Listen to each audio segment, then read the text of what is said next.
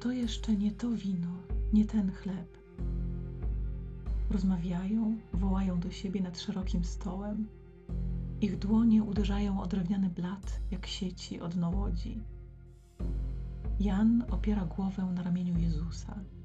Patrzy na roześmiane twarze przyjaciół. W pewnej chwili Piotr słyszy, jak Jezus szepcze chłopcu zawiłe słowa o zdradzie. O kim mówi? Pyta Jana szybkim gestem, tak, żeby nikt nie zauważył. O kim mówisz? Pyta Jan. Jezus odpowiada: Zaraz zobaczysz. Bierze w dłoń kromkę chleba, zanurza ją w winie i podaje Judaszowi.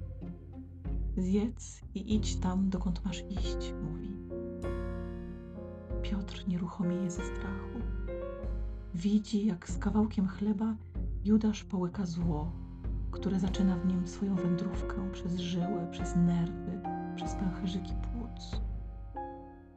Sunie przez niego jak ciemny wąż, aż do oka, które jest bramą duszy. Zanurza się w źrenicę z cichym kocim mrukiem. Piotr patrzy i milczy. Czy buntując się przeciw złu, Judasz zniszczyłby boski plan? Czy prawdziwym aktem sprzeciwu wobec Boga byłaby jego wierność? Kto ma władzę nad złem?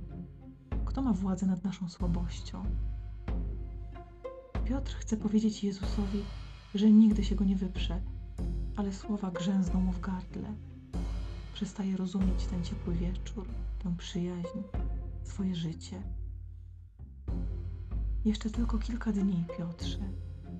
Wydarzy się niepojęte i wtedy zrozumiesz.